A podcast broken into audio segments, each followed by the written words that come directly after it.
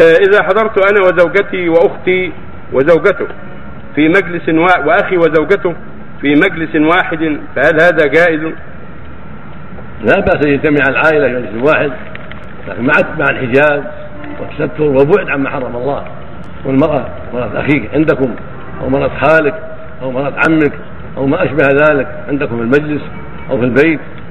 هذا لا, لا, لا محذور فيه. هذا من عهد النبي إلى يومنا هذا.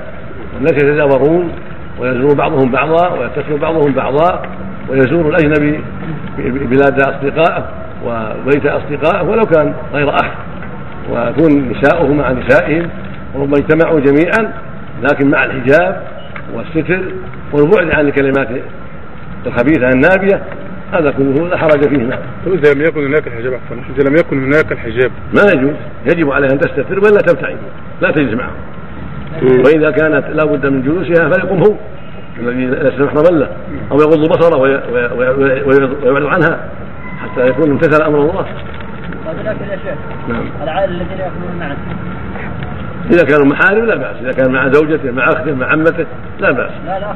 أما مع زوجة أخيه لا أو زوجة خاله لا لأنه يرى شيئا منها على الأقل عندما ترفع يدها